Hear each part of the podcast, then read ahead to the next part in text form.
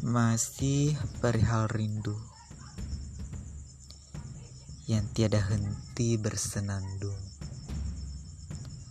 Merasuk ke dalam imajiku dan membelainya dengan lembut. Aku masih saja setia menanti sosok yang datangnya tak pasti. Sosok yang entah menganggapku berarti. Sosok yang telah membuat nalarku mati.